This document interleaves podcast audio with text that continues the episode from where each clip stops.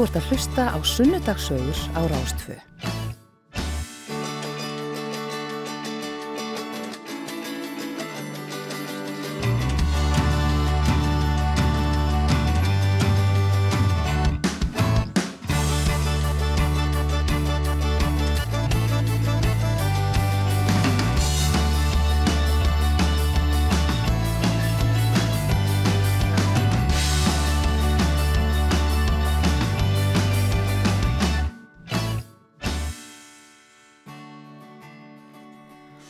Góðan daginn, góður hlustendur, ég heiti Júlia Marget Einarstóttir og ég ætla að fá að hlaupa í skarði fyrir hennar stórkostlegu Hrafnildi Haldarstóttir í sunnudagsögum í dag. Ég get sagt ykkur að dagurum minn byrjaði nokkuð brösulega. Ég nefnilega var á leiðinni upp í útvarshús í morgun þegar ég komst að því að kötturinn minn, hún Dulcinea von Selfoss sem er einmitt skýrði í höfu á nöfnu sinni í Don Quixota, hafði pissað á buksuna mínar. Ég veit nú ekki alveg hann gekk til en ég hef ákveðið að líta á þetta sem bara hinn mesta heiður og ég ætla að fagna því að dagurinn minn er á leið upp á við. Ég fæ nefnilega tilmýningað upp í efstaleiti tvo frábæra gesti sem eru Katrín Björgunstóttir leikstöri og Ott Júliusson leikara. En við byrjum á því að hlýða á lægið Poppaldin með Maus.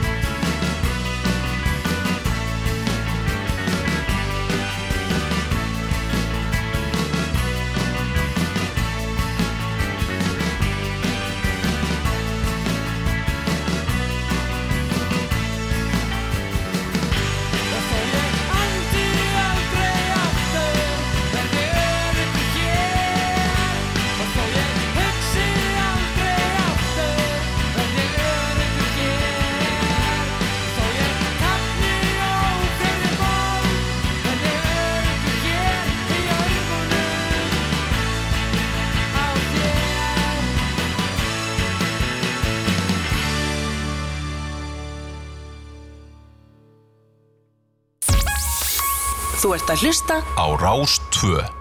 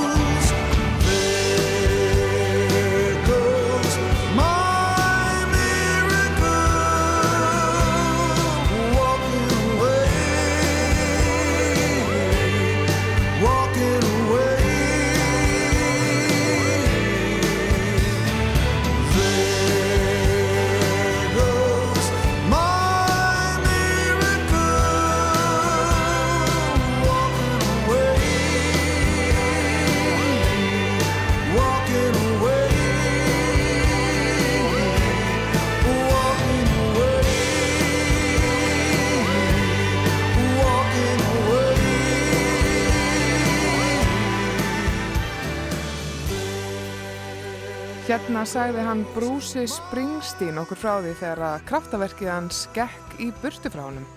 Ég heiti Júlia Margret og ég ætla að vera með ykkur í sunnudagsögum í dag og sjá hvort að það sé ekki eitthvað kraftaverk sem að býðu okkar hérna næstu klukkutímana. Og mér langar að segja ykkur frá því þegar ég var stödd reyndar svolítið langt frá efstaleitinu fyrir tveimur árum. Ég var nefnilega í New York og var þar við nám og bjóð þar og það er eins og hveðið hefur verið að New York er svolítið eins og steipu frumskóur, afar heitlandi en líka svolítið yfirþyrmandi. Og ég var að göngu um borgina, ég var nýfluttanga og frekar tínd þegar ég fekk skilaboð frá ungri konu sem að í dag e, starfa sem leikstjóri og þarna var hún að læra út í Kaupmannhöfn og við endum að þróa með okkur pennavinskap. Við skrifum streglulega á og þessi viðnáttu okkar gerði lífið í stórborginni mun litríkara fyrir mig og líflera en það er Katrín Björgunsdóttir, pennavinkona mín, stór skemmtileg kona. Og eftir smá stund eða eftir auðlýsingar ætla ég að hitta hana í fyrsta skipti með ykkur hlustendum og fá að heyra af sigrumennar og raunum úti í Kaupmannhöfn. Þú ert að hlusta á Sunnudagsögur á Rástfö. Katrínu Björgvinsdóttur tók ég fyrst eftir þegar hún var gestastjórnandi í hlaðvarpstættinum Ástin og leigumarkaðurinn sem var á dagskrá alvarpsins fyrir nokkrum árum. Og ég hjá einhvern veginn eftir því hvað hún var áreyslulegst, fyndin, afslöppuð og sjarmirandi og hún hafði sérstaklega gott vald á að segja sögur þannig að það komir alls ekki á óvart. Þegar ég fekk fregnir á því síðan meira hún var að byrja að vekja aðtekli fyrir hæfileika sína á sviði kvikmyndaleikstjórnar. Hún hefur verið búsætt í Kaupanahöfn í nokkur ár þar sem hún hefur verið nám í danska kvikmyndaskólanum. Uh, síðan útskriftamynd hennar, Yngri drottning, mín þýðing, kom út, hafa byrst glimrandi dómar um hana. Nú síðast fekk hún frábæran dómi í Politíken, hvorki meirin minna. Hérna, hún var akkurat stött á landinu þegar ég hafði samband og hún er sest hérna hjá mér. Og mér langar að spyrja, varst þú sem batn, varstu mikil svona sögumæður? Um, ég var mjög svona aðteglisjúkt barn uh, og þurfti svona endalust að fá aðteglina frá fóröldur mínum og var mjög mikið svona að setja upp leikrit og, og atriði og við erum að skemmti atriði og tónlistaratriði og syngja og svona og það komið mjög mikið á óvart, við vorum að skoða svona, ég gömul svona vídeo sem var tekin af mér og síðan bróðum minnum sem er þreymar yngri en ég. Og ég svona tók eftir því að ég var alveg bara svona þú veist, ég styrlaðist ef að kamerin var ekki á mér allan tíman Já, Þú en veist, bara svona af hverju er verið að, þú veist, myndi einhver á áhuga þessu myndefni að því að þú varst ekki þar í fargunni. já, ég var stjarnan Já, og hvað, nú þú svo stildir það aðteglinni bara með honum eða eru þið fleiri sískinni? Nei, við erum bara tvö, Já, já, og er hann líka svona aðteglisökur eða hefur hann left þér að svona hafa sviðið? já, hann hefur heldur betur leift mér það svolítið, en ég var svona náttúrulega svolítið að virkjan í að vera með í atriðum og svona Já, leikstýrunum svolítið. Já, og svona hérna og svona spila á grín hljóðfæri við hliðin á mér og svona að því að fóröldra mín voru mjög hrifin af því svona tvekja, svona dúa Já, og Svo- hvað, hef, hefur þú og eitthvað verið að tróða upp svona setni, í setna ár? Nei, ek, Nei. ekki neitt hann er hérna, já ég held við sem bæði svona aðeins uh, búin að finna okkur betur svona bakvið tjöldin. Já, einmitt, einmitt. Og hvað, hvað gerir hann? Hann er myndlistamæður og uh, mjög, mjög klár og stórkvæsli manneska. Vá, það er aldrei list. og hvað, eru fóreldraðinni líka listamenn? Eða sækið þetta eitthvað lengra áttur? Uh, já, pappi er hérna, var í myndlistahandaskólanum og var myndlistamæður og er uh, en þá óstarfandi eða svona er ofta hérna grípa í hana svona inn á milli og var síðan grafskur hönnur og er núna kennari. Og hvað ertu alveg upp? Ég ólst upp í Kóbói á Kóbósbraut frá þryggjar aldri cirka uh, og síðan uh, fluttu við í Hafnafjörð þegar ég var uh, kannski 1399 Já, og síðan byggum við þar alla tíð eh, og síðan flutti ég heimann þaðan hvort lítur meira það sem kópásbúa eða hafðfering? Ég líti eiginlega mest á mig sem reykjöking. Ég, Já. já. Hérna, en þannig, þannig kópáur er ekki í, mikið í þín, þín hjarta.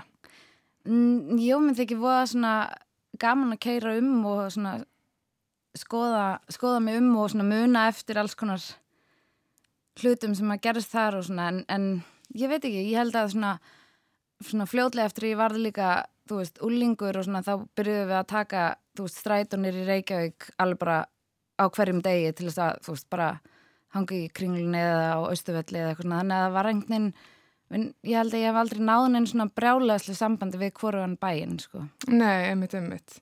Þetta er alltaf svolítið svona sjálfsæðar hluti af því að verða úlingur er að pröfa að, það er svona að byrja því að mynda hangi í kringlunni og færa sér svo yfir í miðbæinn. Já, já, já. Þetta sem að margir sem getur tengt við þetta. En og hvar fórstu þá í grunnskóla? Ég fór, ég var í, um, byrjum við, Kástnesskóla í hérna Kóbói og síðan fór ég í, á, nei, sjöndabekk í Þingholskóla. Uh, þá var það svona, hérna, þá var systemi þannig í Kópavogi að maður fór sagt, ekki áttundabekk í gagfræðaskóla heldur sjöndabekk Já, sem var frekar hardcore út því að þú veist, við vorum bara krakkar og síðan voru bara úlingar einmitt, það er svolítið stórt stökk þegar maður er bara rétt að vera 12 ára Já, það var hrikalegt sko og enda bara í smekkbuxum. Já, já, nákvæmlega, nákvæmlega og síðan fór ég í Víðstaskóla í Hafnafyrði þegar ég flutti Já, einmitt, einmitt. Þannig að þú ert svona uh, í efstu bekkjum þá þar eða hvað? Já, 8. 9. og 10. Já, einmitt, einmitt. Og varstu hérna, hvernig úlingur varstu? Varstu hérna, svona, varstu námsmaður, Já, ég var dugleg sko kennarasleika jafnvel? Já, upp á þessu marki held ég. Uh, en svona, ég held að, sko, ég var svolítið svona, uh, svona mótþróa típa eða þú veist, svona sérstaklega, svona gagvert svona, eða þú veist, mér finnst rosa gaman að, hérna, að svona vera svolítið, þú veist, ég var rosa mikið stund að vera í svona asnalum fötum til að nexla svona Já, sætstættunar. svona augra. Já, Mm og hérna og svona já, svona sína já, ég- já svolítið svona einmitt að augra með einhverju svona lúðaheitum Já, skilur við um, og svona kannski, þú veist, ég meina ég var, já, svona góð stelpa sko, og hlýðin og þú veist, varð ekkert svona, eða þú veist, jú, varð rosalegur úlingur svona skaplega séð, þú veist, alveg öskrandi og skellandi hurðum og svona, en ég var ekki, þú veist, að plokka mér augabrunnar eða, hérna já, þú veist, fara svona í svona gelluleiðina, heldur meira svona skapofsaleiðina. þetta hljómar svona kannski svolítið eins og típan sem væri kallið nörd í úlingamynd. Já, ég held ég að þú veist, ég var, já, ég myndi eiginlega frekar kalla mig lúða heldur en nörd. Já, meira það, já. Og því ég var sko, hérna, þú veist, ég einhvern veginn náði aldrei að svona sökva mig niður í eitthvað svona áhugamál eða, þú veist, ég var svolítið svona jafnfætis á alls konar stöðum, Já, ef maður getur sagt það. Um, en, en ég var svona, já, þú veist, já, ég held að með þegar ég var komin hann upp í úlengdæl, þá var ég svona, þá var ég svolítið svona utangátta, þú veist, ég átti mínar vinkonur sem eru ennþá vinkonur mínar í dag og eru bestu mannskur sem að gengið hafa á þessari jörð. Ok.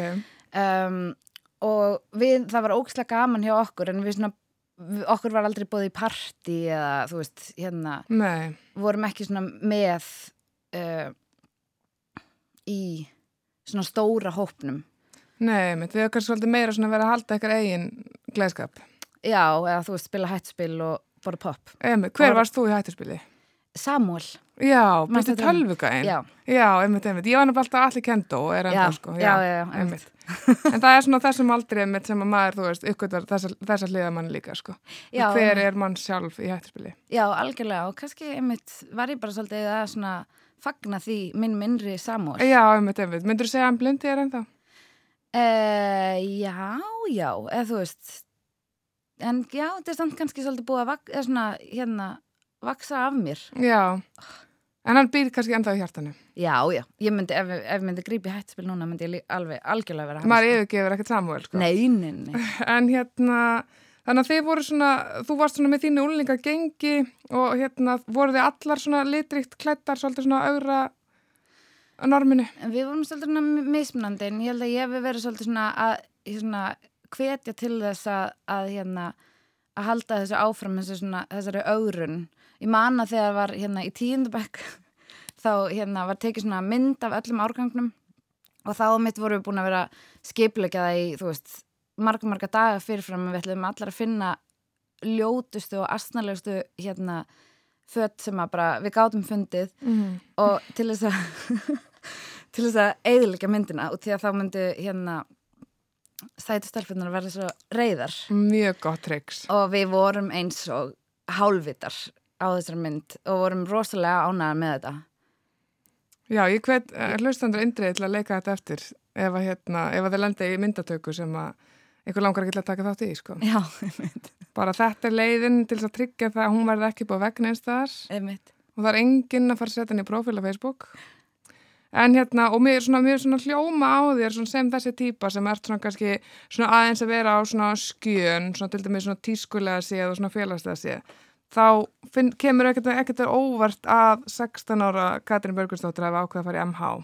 Nei, Var það, Það- svolítið kvatin? Já, það var ótrúlegt sko. Hérna, okkur leiði ekki sérstaklega vel hann í uh, viðstæðskóla. Það var rosa mikið svona strákaveldi og hérna og frekar svona aggressív og svona eiginlega ofbilsfull stemning og hérna, ég man að þú veist að við vorum, þú veist, eins og það er stundum gert að hérna, þú veist, allir brjálustu strákarnir voru settir í bekk með öllum okkur, svona rólegustu Já, stelpunum. englunum. Já, til þess að reyna, þú veist, ég veit ekki, hérna Það er ykkar hlutverkar en að hérna að svona draga úr þeim rostan. Já, einmitt, og hérna, og þeir, og ég man sko, ég man eftir fyrsta deginu mínum í áttundabæk í viðstaskóla, þá var ég svona frekar bara, hérna, þú veist, það var upp á mig tippið í rauninni, þú veist, ég var ekkert sérstaklega svona stressuð eða hrætt og ég man við, hérna, vorum okkur var skiptnir í bekk, bekki og síðan komum við inn í skólastofuna og síðan hérna uh, settist ég einhver staðar og einhver hérna svona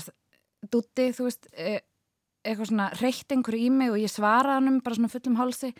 Og þá sko sturlaðist hann og bara svona og bara kallaði mig öllum yllum nöfnum sem ég get ekki sagt í ríkis útvarpi allra landsmanna og ég man að þetta var svo mikið sjokk, ég hafði aldrei lent í þessu að vera, veist, að það væri ráðust svona á mig, veist Nei, einmitt. og einmitt á þessum aldri það sem hægt er að segja svo margt sem að bara Já, það er ímislegt að þú manni. til og einmitt. og, hérna, og ég man að þetta svona setti mig svolítið svona því miður svona á minn stað þá fattaði ég að það var kannski bara svolítið hættulegt að vera að yppa gogg og vera að svara fyrir sig og svona. Þannig að þú veist eftir þetta fór ég svolítið svona meira með veggjum og síðan þú veist ógst náttúrulega hérna hugur ekki þú veist eftir, svona, eftir því sem að leiða á skólan og svona en, en þetta var rosalega svona aggressív stemning þarna og þú veist náttúrulega já, og já og síðan hérna mann ég að e, það var einu sinni búið að vera mikið að hérna svona henda í okkur einhverjum fúkaður yrðum og eitthvað svona í e, einhverjum starffræðatíma og þá mann ég að kennarinn okkar hérna baða allir strákunum að fara fyrr heim og hjælt okkur stelpunum lengur eftir og svona var að skamma okkur fyrir að svara ekki fyrir okkur Já, þannig að það var svolítið skrýtnar áherslur hérna einmitt. Ábyrðin alltaf klálega ykkar. já, uh, og það var mjög sérstakt og ég, við vorum svona einmitt svona pínlítið útur hérna og síðan man ég eftir því þegar að þetta var svona uh, það voru farna svona ferðir í, þú veist maður pantaði svona, fe, uh, svona ferðir í mismunandi mennskóla til að skoða þá Já, einmitt. áður maður veld, valdi það Alveg rétt, mér ámur þetta. og síðan var, þú veist, við, ég man þegar við löpum inn í MH við vinkonunnar og við bara eh, þú veist, þetta var eins og paradís Bara hér vil ég vera. Já, bara þarna voru bara allir í fjólblám kommerskóm Mhm. og hérna Held sikkur um lit. er nákvæmlega Mhm. og í skrýtnum fötum og var svo mikil svona gleði og læti og fólk var alls konar og þú veist, ég man bara, þú veist, ég bara svona þú veist, þetta var bara ótrúlega Einmitt. fyrir nokkrar okkar og, og bara, þú veist, eftir þessa heimsókn þá vorum við bara að telja niður dagana og bara ímynda okkur hvernig lífið yrði þegar við kæmumst loksins í MH Vá, svolítið mikið pressa kannski á skólan. Já, En, og, og var það stóða heima? Fannst þér reynslan að vera þar eins og þú sást þetta verið þess? Já, þetta var alveg ótrúlega, en náttúrulega um við vorum búin að vera svo kúaðar sko, hérna, já, eða kúar eða völdum að vera kúar, ég veit ekki hverjum það var að kenna, en hérna en það var bara ótrúlegt að fá svona tækifæri til þess að svona endur svona skilgreina sig þú og hérna og enginn vissi að við vorum lúðar skilur við, nei, einmitt, einmitt. og það var hreitn skjöldur. Já, það var Einmitt. alveg ótrúlegt og ég man, þú veist, að hérna, þú veist, síðan egnuðist við einhver svona strákavini og það var ótrúlegt. Ég man, þú veist, við vorum að, þú veist, alltaf að lappa um bæinn og fara heim til alls konar, hérna, einhverja krakka og hanga og svona, við vorum bara, þú veist, alveg úlingar, við hefum aldrei farið í partí áður eða, þú veist, Einmitt, neitt, aldrei verið bóðið bara. Og það var bara svona, við vorum bara svona, ég man eftir svona mómenta sem ég kíkti svona vinkun okkar og við vorum bara, trúur þetta sé að gerast? Bara loks. Já. En varst eitthvað, hérna, tókstu þátt eitthvað í félagslífunu þar? Já, ég var í leikfélaginu. Þetta var svona, ég held náttúrulega eins og bara allar 13, 14, 15 ára stelpur ég ætlaði að vera leikuna uh, í svolítinn tíma og var svona frekar virk í leikfélaginu í MH og það var rosalega gaman og gefandi og hérna og geggjað sko. En síðan svona einmitt svona á fjórða árinu þá einhvern veginn var ég svolítið komin yfir þetta. Þá, þá einhvern veginn hérna langaði mig ekki alveg að leika meira í rauninni En þú er alveg tekið þátt í leikhópnum þá alveg þessi fjögur ár. já, já, já. Mm, þá kannski kemst það einhvern veginn að þetta væri kannski ekki alveg. En finnst þú að vera að fatta þarna hvað er langar, eða veistu hvað er langar að verða þá verður stór? Sko, ég, það fer svolítið svona mismunandi sögum um það í rauninni, sko, og því ég, hérna, þegar ég byrjaði að, að svona daðra við kvikmyndagerð, þá var ég svolítið svona hiss, eða svona ég fattaði ekki alveg hvaðan þetta kæmi, eða þú veist, og því að þegar ég byrjaði að reyna að fá, hérna, uh, vinnu í kvikmyndagerð og eitthvað svona, var ég svo ógæslega, hérna, þú veist, uh, upptekin eða svona með svo einbyttan brotavilja í þá átt. Og ég fór eitthvað svona að hugsa um þú veist, hvaðan kemur þetta í rauninni? Og þá, og síðan þegar ég byrjaði að tala vinkonum minnur og eitthvað svona, þá voru þær bara já, þú er alltaf sagt að þú viljir verið kvikmyndagerð um, en ég veit ekki alveg þú veist, það, einhver staðar hefur það þú veist, ég var, þegar ég var krakki þú veist, úlingur í hérna í uh, úlingadeiði deildi í Hafnafjörði, þá var ég mjög, mjög mikið að gera einhver svona stuttmyndir. Já, uh, við áttum einhver svona Vaff á S-vél sem að ég var svolítið að taka upp á. Já sem hún setur spóluna bara heililagi bent inn í. emitt, Frábær tæki. ja, geggið Mjög sko, nótendavænt. algjörlega. Og hérna og var svolítið svona emitt að gera myndir með vinkonum mínum uh, en síðan einhvern veginn hvar er þetta alveg í, í mentaskóla uh, en þá manni líka, það var svolítið svona það voru bara strákar í veist, það var svona einhver videoklúpur eða eitthvað svona sem gerði einhver svona myndir en það voru alltaf bara strákar og þeir kunna vélarnar og Já, hérna- já, þeir kunna vera leikstjórar já, og svona. já, allt þetta sem að, og ég minna að það er náttúrulega eins og ég ætla kannski líka að fá að tala um við hérna, að það er alveg óögnulegt kannski svolítið að sjá eða þú veist, finnst mér svona bara sem árandi utanfrá, bara hvað þetta hefur einhvern veginn gengið hægt að fá konur einhvern veginn meira inni í þennan heim. Já já, algjörlega, ég hef búin að hugsa mjög mikið um hvað, hvað þetta er í rauninni. Mm um, ég veit ekki, ég held að svona í mínu tilviki hafi það verið svona, kenni ég svolítið um þú veist, þessi svona þessi svona endalösa þörf til að vera hérna þú veist, góð í skóla þú veist, fá háar enganir engunir -hmm. og hérna og þú veist, og þá er ekkert sérstaklega mikið tími eftir til að nördast niður í eitthvað dót sem maður myndi kannski vilja nördast niður í Nei, einmitt. Þannig heldur að vandamáli byrji bara að snemma á svona á lífskeiðinu eða svona, þú sé eitthvað svona samfélagslegt mein. ég, ég veit það ekki en ég menna þú veist, ég bæði þú veist í minni reynslu og ég hef líka unnið í félagsmyndstu sem ég fylgdist svolítið með þessu þú veist, Mm -hmm. þá einhvern veginn það er eins og strákarnir búið til meiri tíma til þess að þú veist vera í hljómsveit eða spil, spilhljóðfæri eða hérna búið til myndir eða þú veist einhvern veginn vera að ge- gera eitthvað svona og stelpun að það er eins og sé ekki jafn mikið pláss einhvern veginn í lífi stelpunana til þess að fara alveg niður í þetta einhvern veginn Nei, einmitt, einmitt. Ég veit ekki hvað hva þetta er þú veist, ég held náttúrulega bara að þurfi að að þú veist, kynna svona hluti bara algjörlega til japs við eða þú veist, fyrir bæði kyn sko. Mhm. En nú var til dæmis, hérna, til dæmis eins og þegar maður skoður eins og Óskarsvelun, er ekki rétt að mér að hérna, það hefur engin kona fengið velun, leikstöndumvelun sem fyrir bestu myndina. Mm, ég er ekki viss Nei, mér bara ráman einhvern veginn nýja að setja þá er mitt, manni bara eftir að sjálfa að byrja að pæla þessu, þannig að ég allavega bara, mér finnst mjög aðdánavert og frábært einhvern veginn að sjá manneski svo þig og þessar ungu konur í dag sem er að stíga fram á leikstöndumvellin og bara sína það að það geta, þetta er heimur sem að allir geta tekið þátt í og, og koma með sitt framlag og svona, svona bara kvenlegt hérna, svona innslag inn í, inn í þennan söguheim. já, algjörlega Við gerum þá örstutlje og komum oftur eftir smástund með Katrínu Björgunsdóttir en þá ætlum við meðal annars að ræða útskrifta myndina eða útskriftar þáttinn sem kom frá henni nýla og hún fekk gífurlega góða dóma fyrir. Komum aftur eftir eignum blik. Wild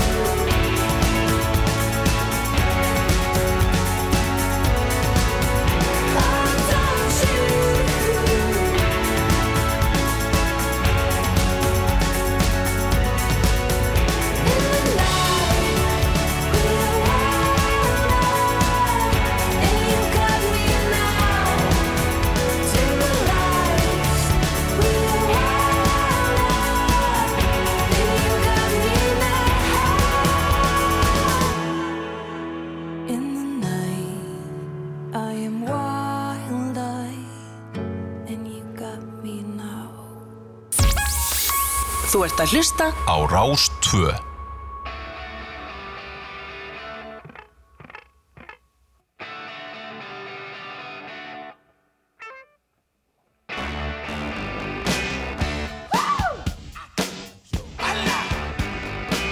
Darling, you got to let me know. Should I stay or should I go? If you say that you are mine, I'll be here till the end of time. So you got to let me know. Should I stay or should I go? It's always tease, tease, tease. You're happy when I'm on my knees. One day is fine and next is black. So if you want me off your back, well come on and let me know. Should I stay or should I go? Should I stay or should I go now? Should I stay or should I go now?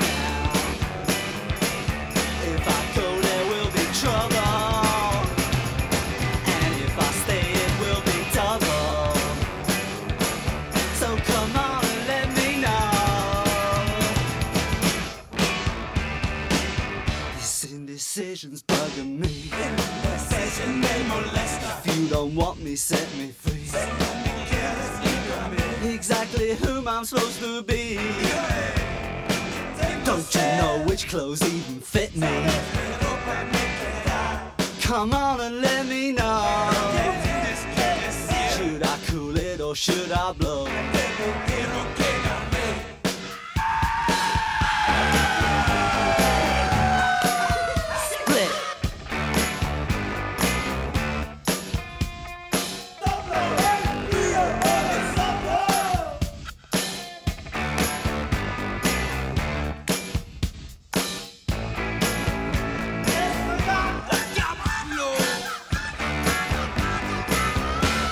I stay or should I go now? Should I stay or should I go now?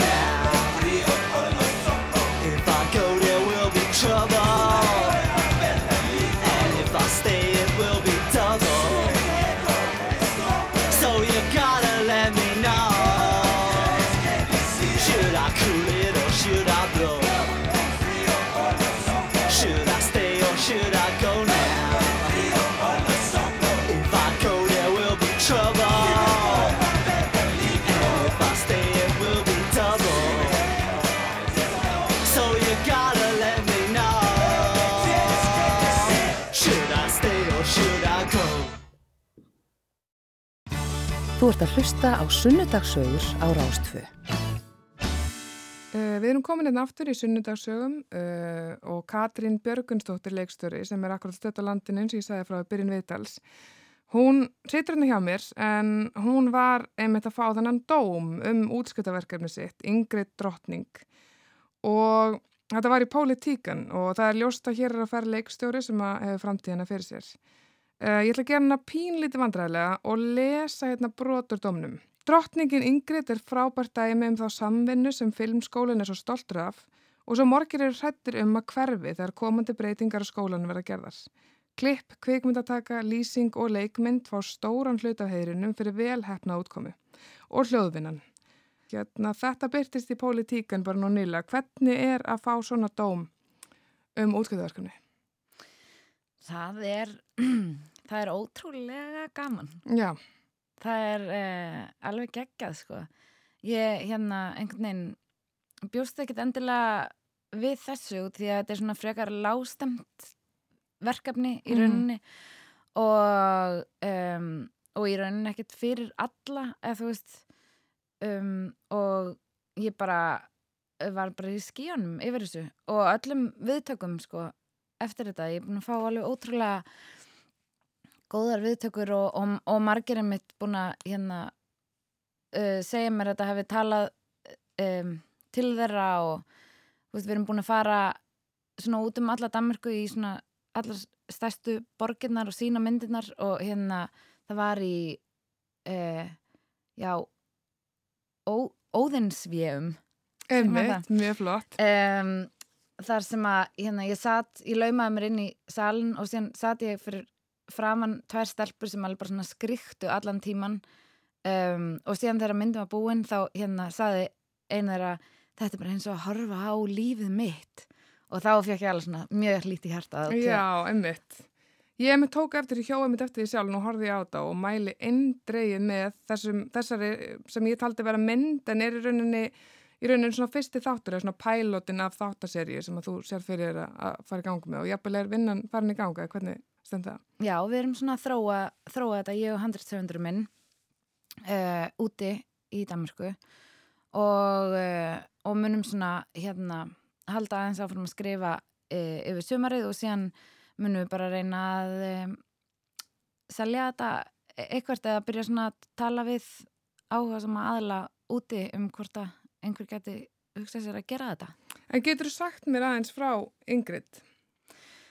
Já, uh, Ingrid er karakter, uh, hún er sagt, stelpa eða, eða kona, stelpukona uh, sem er 34 ára og, hérna, og er ekki búin að eiga kærasta sem hún var 17 uh, og, og byrjar svona, já, í byrjun þessara sögu svona aðeins að átta sig á því að hérna, að hún kannski er ekki alveg á þeim stað sem hún myndi vilja vera á í lífinu og, uh, og fattar í rauninni að það sem henni langar er bara eignast kærasta sem er frekar svona erfitt fyrir þann karakter að, viðkynna fyrir sjálfur sér því að hún svona uh, leggur mikið upp, upp, upp úr því að vera sjálfstæð og sterk og hérna og á eigin forsendum.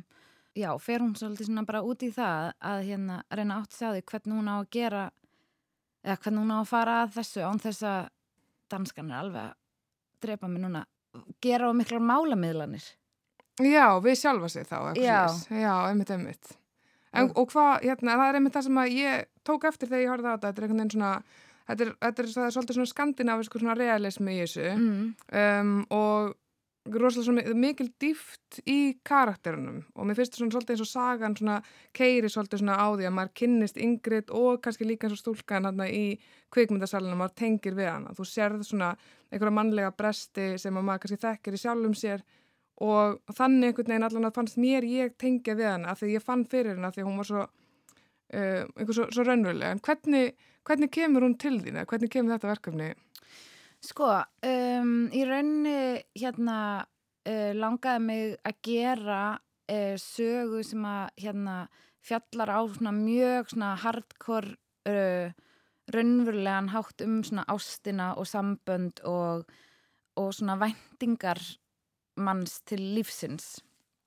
Um, og mér langaði að hérna að segja sögu af konu sem að einmitt svona þar sem að ástin kemur ekkert bara svona til hennar á silfur fati heldur hún þarf að vinna fyrir því.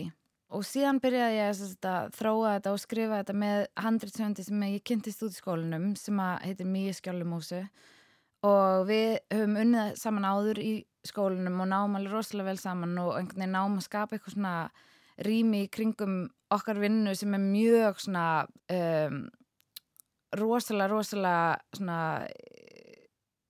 svona brutally honest afsakið. Já, um, það sem við deilum mjög mikið uh, báðar úr okkar lífi og síðan byggjum við svolítið svona karakterinn á uh, okkur báðum og svona því sem að, svona já, okkar svona lendarmálum og svona innstu þrám og væntingum og uh, já, svona skömm í rauninni.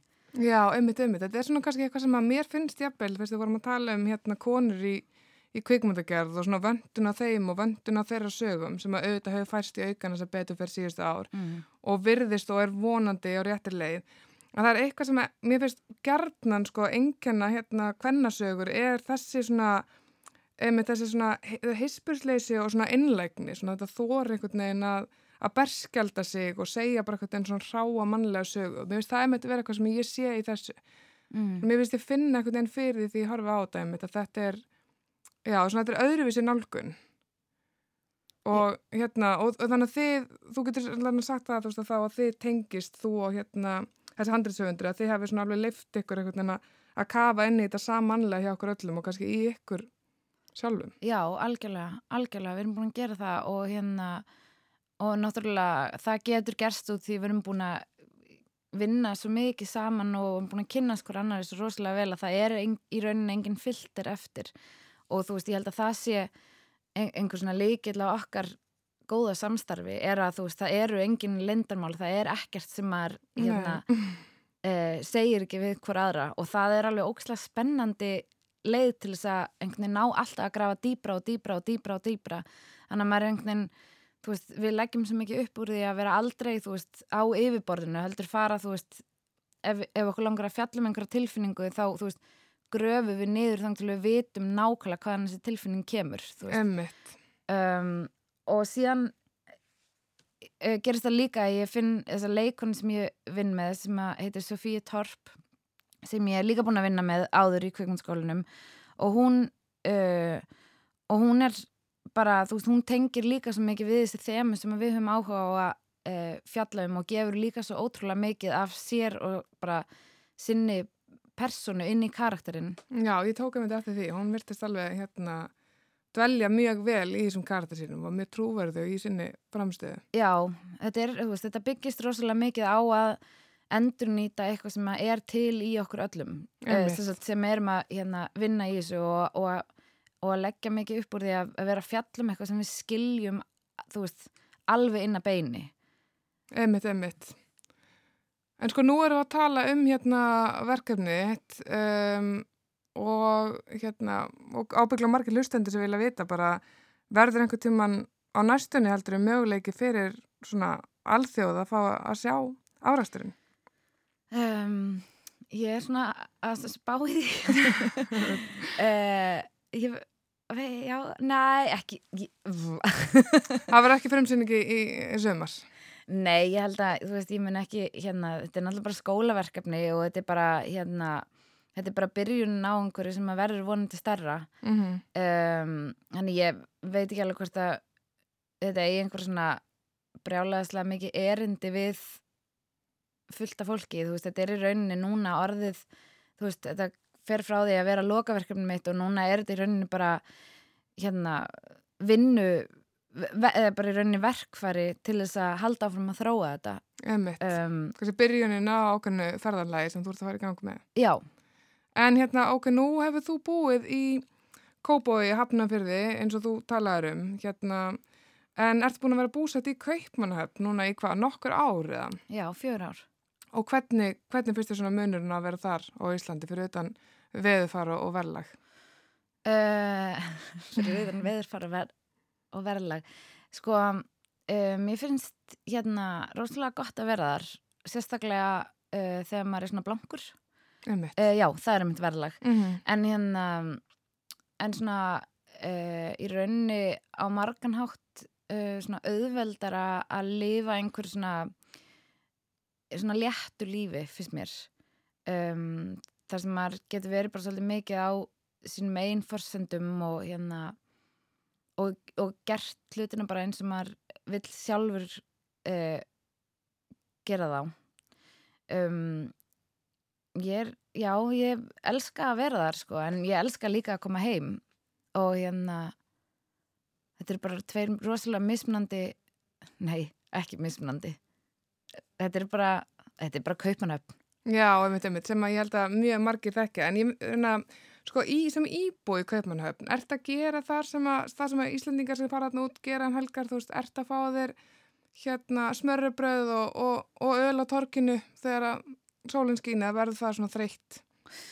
uh, nei, nei, ég meina öl á torkinu verður aldrei þreytt í sólinni. Nei, einmitt, einmitt. um, ég, ég er ekki mikið að fá smörrubröð svona úti Nei, nei, en ég er mikið að borða rúbröð og egg heima hjá mér einmitt, einmitt, þannig að svona danin er alveg svona svolítið að vakna í þér eða svona þessar, þessar já, hefðir.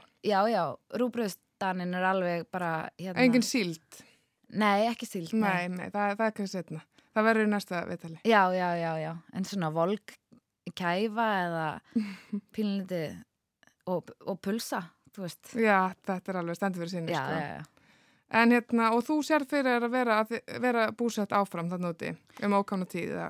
Uh, ég, pff, ég meina ég uh, veit það ekki.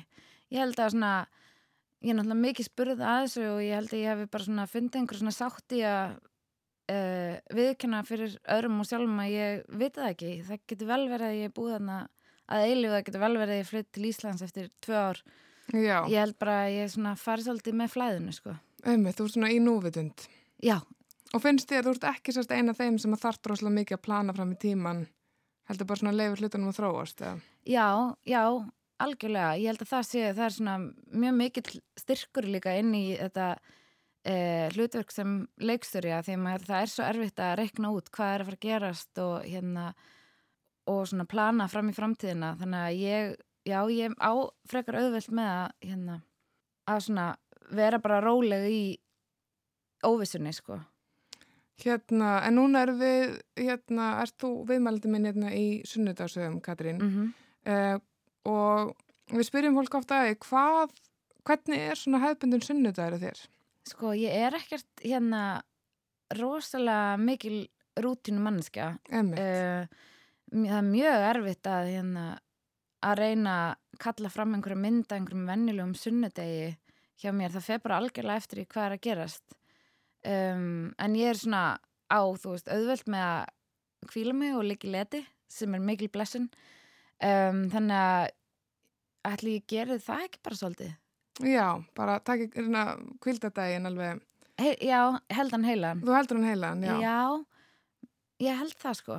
Nema að það sé mikið að gera þá auðvitað náttúrulega einmitt sérstaklega kannski lífi leiksturun geti ég ímyndað mér að það fyrir kannski svolítið eftir svona í, eftir törnum og verkefnum og slíkt. einmitt Það er ekki allir sunnudagar, frítagar þegar að maður er í, í þessari, þessum geira. Nei, einmitt, enga veginn sko og síðan reyndar hérna er ég í uh, rosalega fínu starfi sem uh, reyngjörningadama hjá gamli konu á Frærisberg sem ég, ég fer til hennar aðra hverja helgi Já, þá uh, sem er já, svona mjög uh, góð leið til að halda sér nýra á jörðinni einmitt. Uh, og ekki byrja að áðmettnast en það er mjög hugulegt þá mæti ég bara til hennar á klukkan nýju á mótnana og hérna og við drekkum kaffi og borðum rúnstykki og tölum um hvað er búið að gerast síðan síðast og síðan þrýfi íbúðunarnar og síðan fáum við, fá, fáum við okkur oftast bjór svona um hátegisspilið tölum aðeins meira og hérna, það er mjög fínt sko, Þannig að ég get titlaði leikstöri og reyngerningadama. heldur betur, já, Já, með stolti emmitt, emmitt. En hvað, og hvernig, hérna, hvernig komst þetta hlutverki í þína hendur að, að reynsa hjá þessari aldrei konu? Uh, þetta var eitthvað svona sem að hérna dætt upp í hendunar á mér einhvern mann þegar ég var í svolítið fríi þannig úti uh, rétt eftir að ég var flutt út þá byrjaði ég að þrýfa fyrir eitthvað svona reyngjörninga fyrirtæki og hittist þess að fór að þrýfa heima henni og mannum hennar. Og síðan hérna uh, stuttu setna þá dómarinn hennar úr krabba minni og þá var hann búinn að kenna mér að þrýfa alla í íbúðina með, þú veist, það voru alls konar reglur um hvernig átt að gera hlutina inn á þessu heimili og, og þegar hann var dáinn þá hérna þá svona na, tengdust við mjög mikið. Þá sátum við og hún grét og við töluðum um mann og, og hérna og þá urðum við svona bara ágætt svinkunur og síðan einhvern veginn höfum við bara elsku við að hittast og hún borgar mig fyrir að þrýfa og síðan tölum við saman og hérna Þetta hljómar alveg mjög, mjög hugulega svona. já, þetta er mjög næst, þetta er svona danska amma mín Já, það er alveg, það er mjög gott að hafa eina, allavega eina ömmu svona til dags mm. þegar að maður er kannski einmitt svona eins og þegar þú kannski verið fyrst svona svolítið svona alveg á ókunnum slóðum. já, einmitt, þetta er smá svona haldreipi sko En hérna, en ég veit að þú ert ekki mikið fyrir að plana fram í tíman, en svona stefnan er allan á að halda áfram með hérna æfintýri yngriðar eða eitthvað. mm. já uh, þróa það áfram en einmitt eins og ég segi, þú veist, það er ekki, það er ekki hægt að reikna út hvað er að fara að gerast uh, og hvort að einhver sé að fara að hoppa á þetta eða, eða ekki en uh, við munum allavega bara að gera okkar uh, allra besta að halda þessu svona á lofti og hérna halda fram að þróa þetta og, og vinna þetta áfram og veist, þetta er náttúrulega rosa mikil vinna að þróa svona heila serju og þú veist, við erum svona að taka uh, stórt upp í okkur út því að við, við viljum hérna búa til konsept sem að hérna getur haldið áfram, þú veist, og er svona já, svona sjálfbært konsept sem að þú veist að, að hérna að búa til karakter sem að heldur áfram að kasta af sér sögum þannig að við getum gert fleirin eina og fleirin tvær uh, serjur. Emmitt. Já, það hljómar, það hljómar mjög spennandi, en þú verður allavega á Íslandi næstu, eitthvað næstu daga. Mm. Um, þú sagði mér aðan að hérna, þú náttúrulega hefur, af því þú verið búsett erlendis í svolítið tíma það, og það er oft þannig þegar maður kemur, kemur heima þá hvernig nær maður voru lítið að sleppa af að því það er svo, svo margir hérna, vinir og fjölskyldumæðlega sem er spenndur að hitta, en þú verður svolítið lift þér að svona kasta með henni Já. og jafnvel bara gera það sem að það er uppaldið þetta að gera á sunnudöfum allan sem er að, að kvíla þér aðeins. Algjörlega. Já, algjörlega. Og síðan fer ég hérna eftir nokkur dag út á land á Borgarfyrir Eistri þar sem að hérna móðum minn ólst upp og við erum eigum hús og þá verð ég bara að hérna vinna í garðinum og reyta arfa og mála húsið og hérna einmitt svona halda mér á jörðinni. Já, bara alltaf telst það. Já. Heyrðu, áður en að ég hérna sleppi þér í burtu, Mm. ertu með eitthvað óskalag sem að þú vilt spila hérna fyrir okkur í lokin? Já. Já. Hva, hvað er það? Það er uppáhaldslæði mitt núna eh, sem ég hlusta gerðan á og ég þarf að peppa mig svona upp í, upp í daginn og það er Try a Little Tenderness með Otis Redding Heyrðu, mér líst mjög vel á það og ég bara hvet hlustendur okkar til þess að hérna leifa sér aðeins þrátturir uh, að kvildadagurinn hafi runni upp að peppa sér svolítið inn í daginn með Otis Redding. Katrín Bergustóttir, takk innilega fyrir komuna. Takk sem leið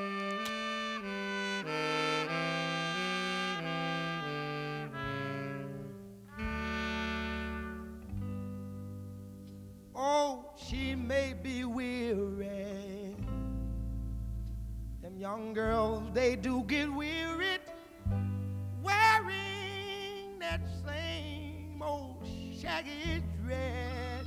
Yeah, yeah. But when she gets weary, try a little tenderness. Yeah.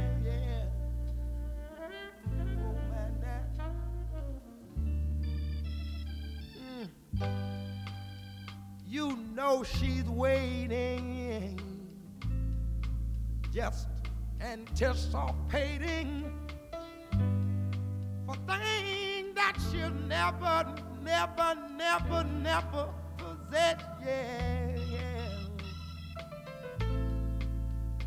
But while she's there waiting, and without them, try a little tenderness.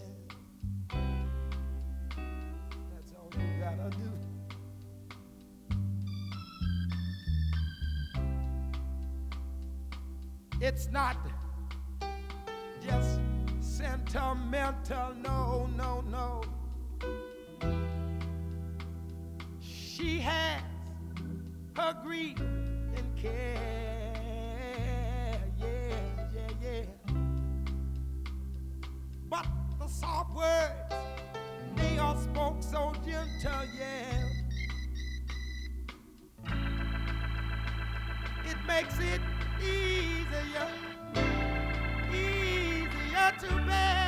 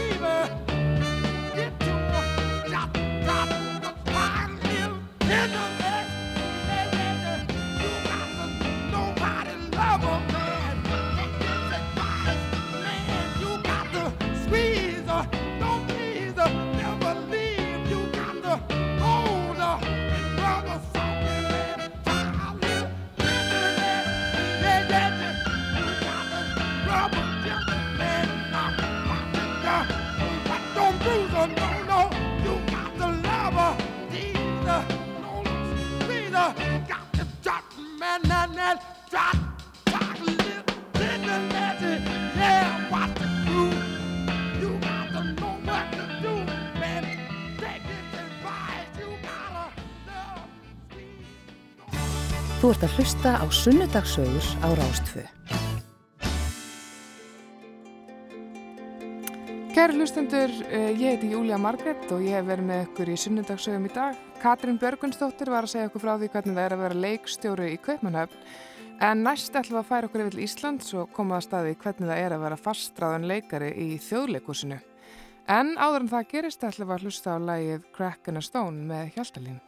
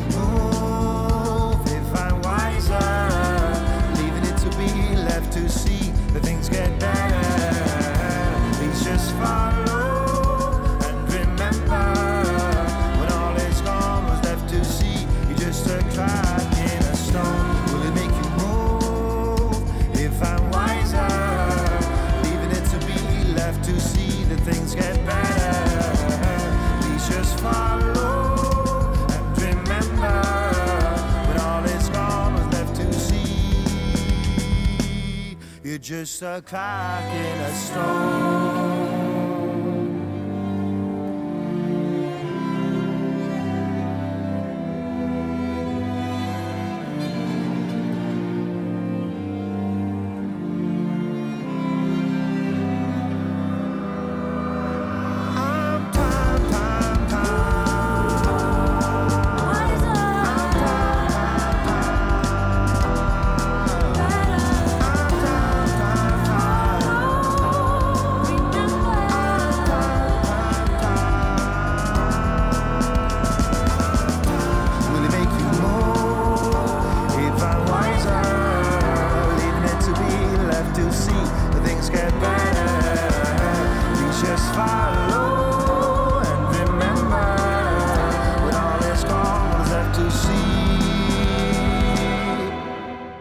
ert að hlusta á sunnudagsögur á Rástföð.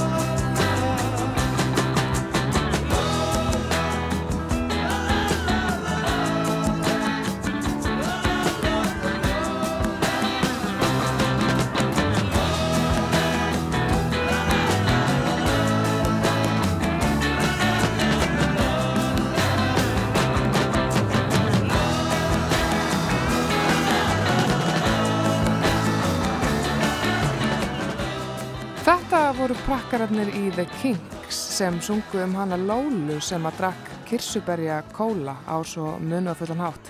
En áður en við fáum tilkynningar og fréttir ætlum við að heyra í læginu Ferðalangur með hljómsveitinni Ángurverð.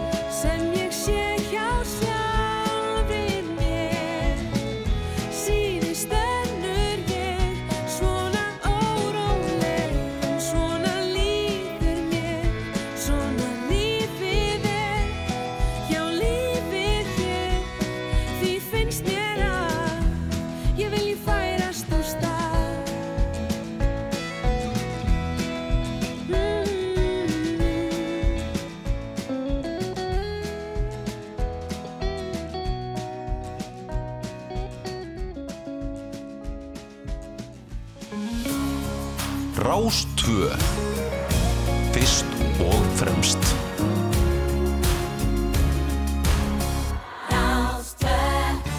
Þú ert að hlusta á Sunnudagsögur á Rástfö. Kæru lustendur, ég heiti Júlia Margrét og er með ykkur í sunnudagsögum í dag. Hann Otter Júliusson leikur meðal annars í Ráþarranum sem eru þættir sem að verða síndir hérna á Rúf haustið 2020. En síðan hann útskrifaðast úr leiklistaskólanum hefur hann verið fastur við fjalir þjóðleikursins. Hann ætla meðal annars að segja okkur frá því þegar hann var hugfangin af nútímadansi sem hann dansaði í þröngum sokkaböksum. En fyrst fá við auðlýsingar. Þú ert að hlusta á Sunnudagsögur á Rástfö. Hjá mér er Ottur Júliusson, leikari, en Ottur hefur verið áberandi á fjölum leikúsin síðan hann útskrifaðast úr leiklistaskólanum árið 2013, er greitt um mér? Jú, það er Já, og svona, já, mér langaði til að fá hann til mín vegna þess að ég hef tekið eftir sem leikúskona sjálf að hann nýtur sín alveg sérstaklega vel á sviðinu. Hann er orkumikill og hann hefur mikla nerveru og getur bröðið sér í allra kvikinda líki. Ég hringdi í ottum daginn og hérna aðeins að heyri um hljóðið og aðtöku hvort hann væri til að hitta með hérna og ég spurði hann hvað hann var að gera og þá var hann að reyta arfa hjá ömmu sinni. Hérna, ert þú ömmu strákur, Otur? Já, ég, já, ég er það alveg sko. Ég var, uh, amma mín og afi búa í, í Seiðakvísli í hérna, Ártúnunu. Ár, ég verið til Ártúnsbrekkunni og það var alltaf mikið fjör að bæði þar sko því ég var yngri. Með skemmtilangarð og, og mikið fjör og hún átti hund þegar ég var lítill og það Er var hann bara... allur? Hann er allur sko og hann var, hann uh, kom inn á heimilu svipar leit og ég fættist sko þannig við vorum Já, svipar þeir aldrei. voru samferða svona, já. Hann, hann lést þegar ég var 15 ára. Úf, það hefur verið skellir. mikill skellur sko. Já, þannig að hann hefur verið 15 ára sérst sjálfur, samkvæmt mínum um, starfræðilega útreikningum Jú, sem oft hárrétt. getur verið djúpt á, sko. Það er mikið stuð í kringum eh, hjá ömmu sko. Það er, við erum mörg eh, hérna, svona barnabörnin á svipum aldri og, og, og það var oft bara góð, góð partí þar sko. Þannig að, jú, mér þykir mjög vent og líður vel þar. Já, og það er ammaðin afi sem búa þar, er það ekki? Jú. Já, emmitt. Og þú sagði mér að afiðin hafi kíkt á bílinn. Já, hann er, hann er uh, bifila mistari. Já, það getur komið sér mjög vel. Mjög vel sko. Hann er, einna, hann er hættur að vinna en hann, þetta er hans hobby líka sko. Hann vann Já. við þetta allæfi og, þetta var líka áhuga málið hans að kaupa tjónabíla og gera það upp og, og selja það og, og ég svona hafði orð á því að ég þurfti að laga bílinn og hann svona tók ekki annað í máli en að ég myndi bakkunum inn á stæði og við myndum bara henda því þetta saman og það var svona gaman það var svona eh, afi og banna banna stúsa í bílum hljóma, saman hljóma mjög grútlegt. En Já. þú hefur ekkert, þú hefur ekkert erst þetta frá honum, svona bíla vikera dellu. alls ekki sko. Nei, ég, bara nýlega hef ég svona neitt mig í að svona skilja hans betur bíla sko. Já, emmitt. uh, keifti mér skrjóð einhvern tíma fyrir nokkrum árum sem var, sem var mjög svona, já, einhver skóta Felicia sem var bara mjög einfaldur. En þá var svona, og hann var svona áttað til að bila eins og, og ég setti mér þá ásand félagi mínu sem bjóð með mér og seldi mér bílinn að ég myndi reyna að gera við hann sjálfur sko, bara til þess að líka fá þessa reynslu að aðeins að læra inn á bíla sjálfur sko þannig ég var ekkert eitthvað hendur um eina stæði sko, ég uh, stóð bara látrullugur undir bílnum og reynda að laga hann sko. Og gekk það eftir? Já og svo... Já, hann ekki- skrölti. Já, það, Mhm. það gekk og svo gekk það ekki. Nei, það er svolítið, svolítið eins og það vil fara, sko. Já, hann, hann gafi böndina. eins, og, eins og hundurinn Mhm. heitin. Hérna, já, mér langar það svolítið að vita bara svona um þig þegar þú varst batna, því núna hef ég aðeins eh, kynnst þér svona á fullarins árum Mhm. og þú ert hérna, þú ert ekki svona, uh, það gustar svolítið um þig, eða svona Mhm. hefur gert allavega enn í leikúsinu. Varstu hérna virkur svona sem batn? Sko, ég held að ég myndi ekki, sko, í dag myndi ég ekki kannski vera endilega vera greind, greindur eitthvað svona ofvirkur eða neitt svoleiðis en, en eins og fóreldra minni lýsaði mér þá var ég mjög virkur, sko. Og var svona, það var- ég var stuðpenni, sko. ég man svo sem alveg líka eftir því, sko, að, að ég, mér fannst, ég var mikið selskapstýr, sko. Mér fannst geggja að fara í, fara í heimsóknir og fara í einhver svona matabúða sem voru aðri krakkar. Og fóreldra minni segja svona sögur af því að ég fór kannski einhver staðar það sem voru kannski krakkar sem voru, svona, voru frekar femnir sko. Og ég náði þeim einhvern veginn gýraði svoleiðis upp að fóreldarnir hefðu aldrei séð þau bara hegða sér á, á slíkan máta sko. Og það er líka svona sterk tilfinning hjá mér sko, ég sterk minning minna ég að hérna að verandi sko í matabúðum hlaupandi í ringi alveg einhverjum eldingarleik og einhver svona brjálegum látum sko og síðan allt í hennu svona gripið, ekkert sérstaklega fast kannski, það er svona gripið svona sn- snögglega í upphandleikin á mér. Og þá var það faðið minn og hann segir Otur, spakur. Já, Og- þetta hefur verið, já, svona kannski þakklátt fyrir hérna hinna fóreldri feimnubarnana en líka kannski svolítið Já, svona mikill bjarnagreiði.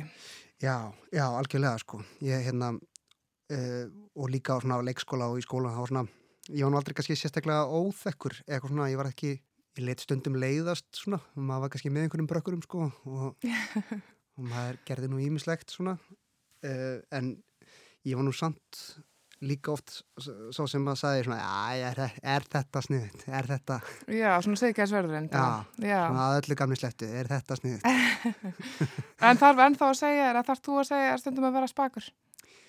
Mm, nei, veistu, ég hef, ég held ég hef svona, ég fæ náttúrulega töluverða útrás í mínu starfi, sko, að fýblast og djöblast, sko. Já, Og hérna, ég myndi fyrir ekki að segja að ég væri svona róleri, ef svona í, í svona félagslegum aðstæðum, sko, þá er ég kannski svolítið öllu róleri í dag, sko. já, Ég, kannski, ég kem ekki alveg inn í svona visslur og, og, og svona ríf upp alla stemmingu óumbeðin, sko.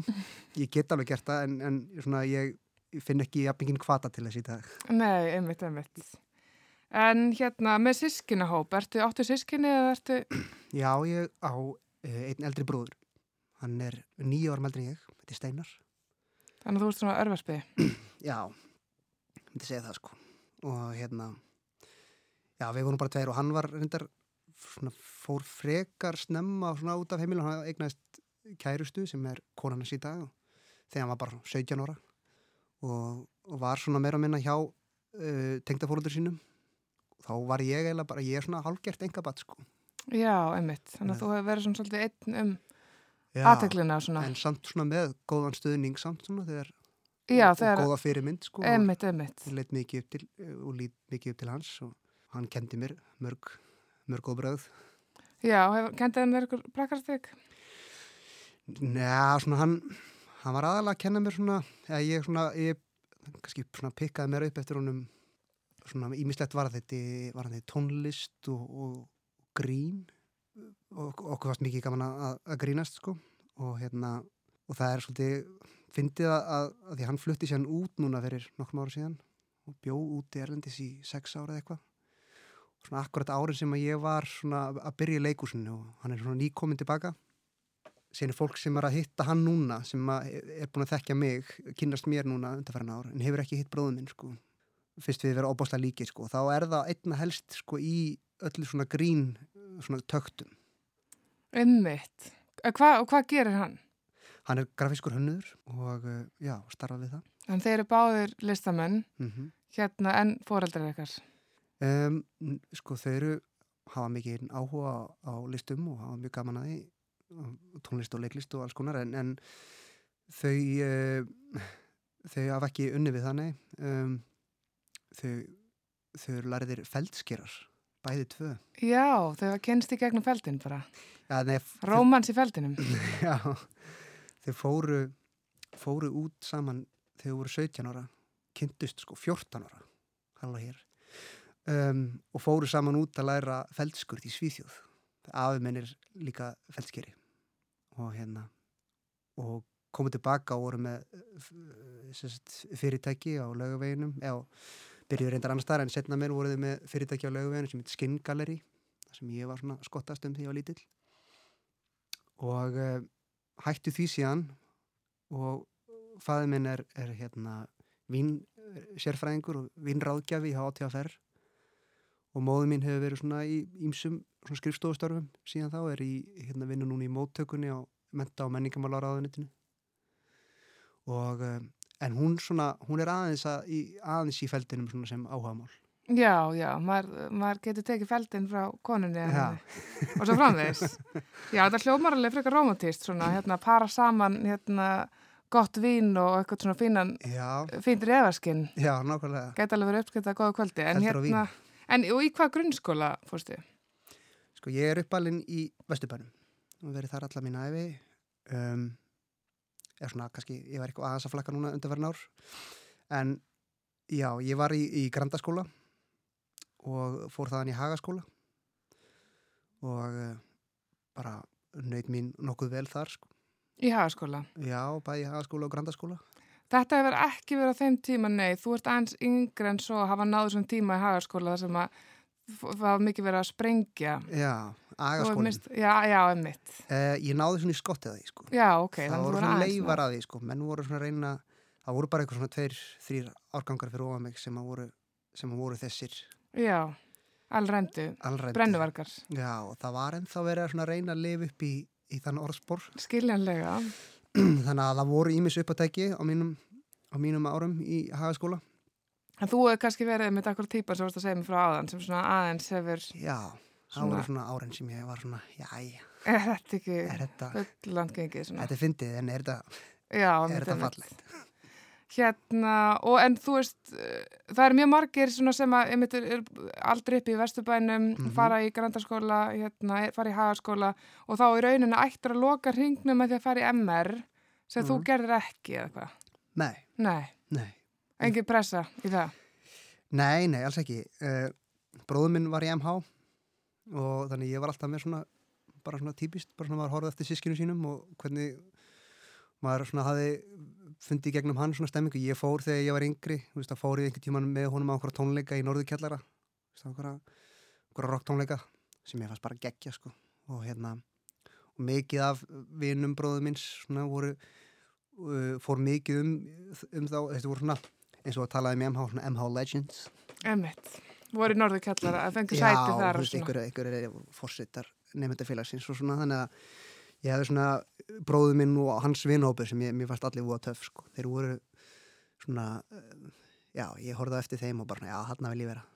Já, einmitt. og það var bara svona einmitt eh, listalífið og félagslífið og, og svona stemmingin sem að ég einhvern veginn laði að stað. Og fannst þér það vera eitthvað í líkingu við það sem þú er ímyndaðir, svona þennan hérna glamúr, svona rockara glamúr í norðurkallara? Já, svona já og nei, bara, þú veist, jú, mér fannst alveg svona, maður kom inn og þetta var alveg bara svona, bara eins og flestir hafa upplifað svona bara svo rosalegt að mæta í mentaskóla, þetta er svo stórt og allt svo fullorðið og, og hérna, og mér fannst svona, svona ógeslega mikið í gangi, ógeslega mikið spennandi í gangi, fullt af útrúlega töff krökkum að gera töff hluti og, og maður gæti einhvern veginn sökt sér í þetta, sko, og ég, það hendaði mér svo gríðilega vel, sko, því að ég er ég er svona, hef alltaf verið svolítið svona, ekki alveg geta ákveðið mig hvað ég, er svona allavega í langa tíma þannig að var ég svona allir í öllu. Ég var í íþróttum og ég var í tónlist og mér varst líka gaman að leika svona, og þetta var bara fullkomið ég gæti farið bara út um allt veginn Og prófaður það margt? Já, ég gerði alls konar MH sko. Ég var þetta náttúrulega allra svona, ég var, var langt mest í leikfélaginu. Já, ég, fór ekki, ég fór ekki í ræðuliðið eða neitt svo leiðis en, en ég var í leikfélaginu, ég prófaði veist, eitt ári í kórnum og, og, hérna, og ég var í og ég var í einhverjum rockljónsettum stopnaði hljónsettum með vinnum mínum hana sem við vorum að spila hana. Já, hvað spilaður á?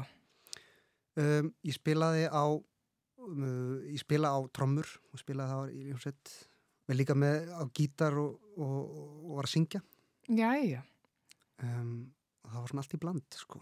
já, og hvað, spilar, ertu ennþá að taka í kjöðana? já, já, ég gerði það ég var síðan svona eftir mentaskóla fór ég var ég í annar hljómsveit sem var líka svona uh, var svona, tókum okkur alvarlega og gá, gáum út þar plötu sem heitir eða hljómsveitin heitir The Heavy Experience og þar var ég, að- þar var ég að tromma Lærður það? Þú veist, fórst í tónlistaskóla að læra að tróma eða? Nei, ég nefnilega, sko, ég var í tónlistaskóla þegar ég var yngri Mm við lærði á klarinett og saxofón fannst það um, bæði gaman og drefleðilegt, sko bara eins og mörgum þá, veist, var svona tónfræðin og allt þetta, það fannst mér alveg ríkalega leðilegt, sko en, Já, akkurat. og ég gafst upp svona um 12 ára aldurinn sem ég held að sé mjög algengt, ég veit ekki ég finnst það svona, heyri marga sem að hætta um þann, Já, ég get, ég get sjálf tengt það, sko, ég mitt sneri bakið píanónu svipum tíma. er þetta ekki bara svona úlingaveikin Ég held það, sko. Það verður eitthvað en alltaf aðsnald og leðilegt nefnir það sem að mann dættur í að gera með vinnu sínum, eitthvað svo. Ég, en ég reyndar sko, þegar byrjaði að sko taka upp gítarina því bróðum minn spila á gítar og, og það var ramaskítar á heimilinu og magnari og Já, get ímyndum að það sé freistandi. já, og ég byrjaði ég, hann kendi mér ykkur bara svona þvergrip og ég byrjaði bara að pikka upp lög sjálfur inn, inn í herbyggi og ég haf búin að búa mig til svona stað, ég haf með svona sjónvarp, lítið sjónvarp sem var á svona standi sem var fast við vegg. Og það var akkurat í þeirri hæð að ég gæti svona límt svona mikrofón ofan á og það var, veist, og það var akkurat í hæð svo ég geti sungið í hann.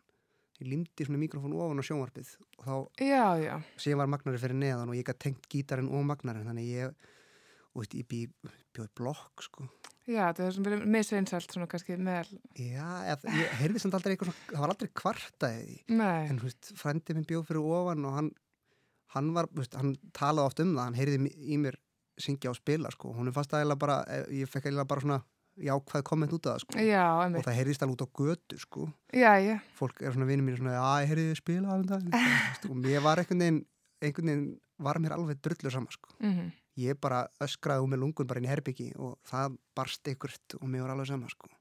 Já, Þú veist, svo lengi sem að ég var ekki, kannski, að, ég var ekki að spila á kvöldin eitthvað. einmitt. Kannski kemur hérna líka kannski svolítið leikara elementið inn, sko. Það að þú veist, þóra því að vera með þessa tjáningu og kannski vera astnalegur fyrir Mhm. framann aðra án þess að vera meðvitaður um áhörenduna eða þá- þá sem er að hlusta.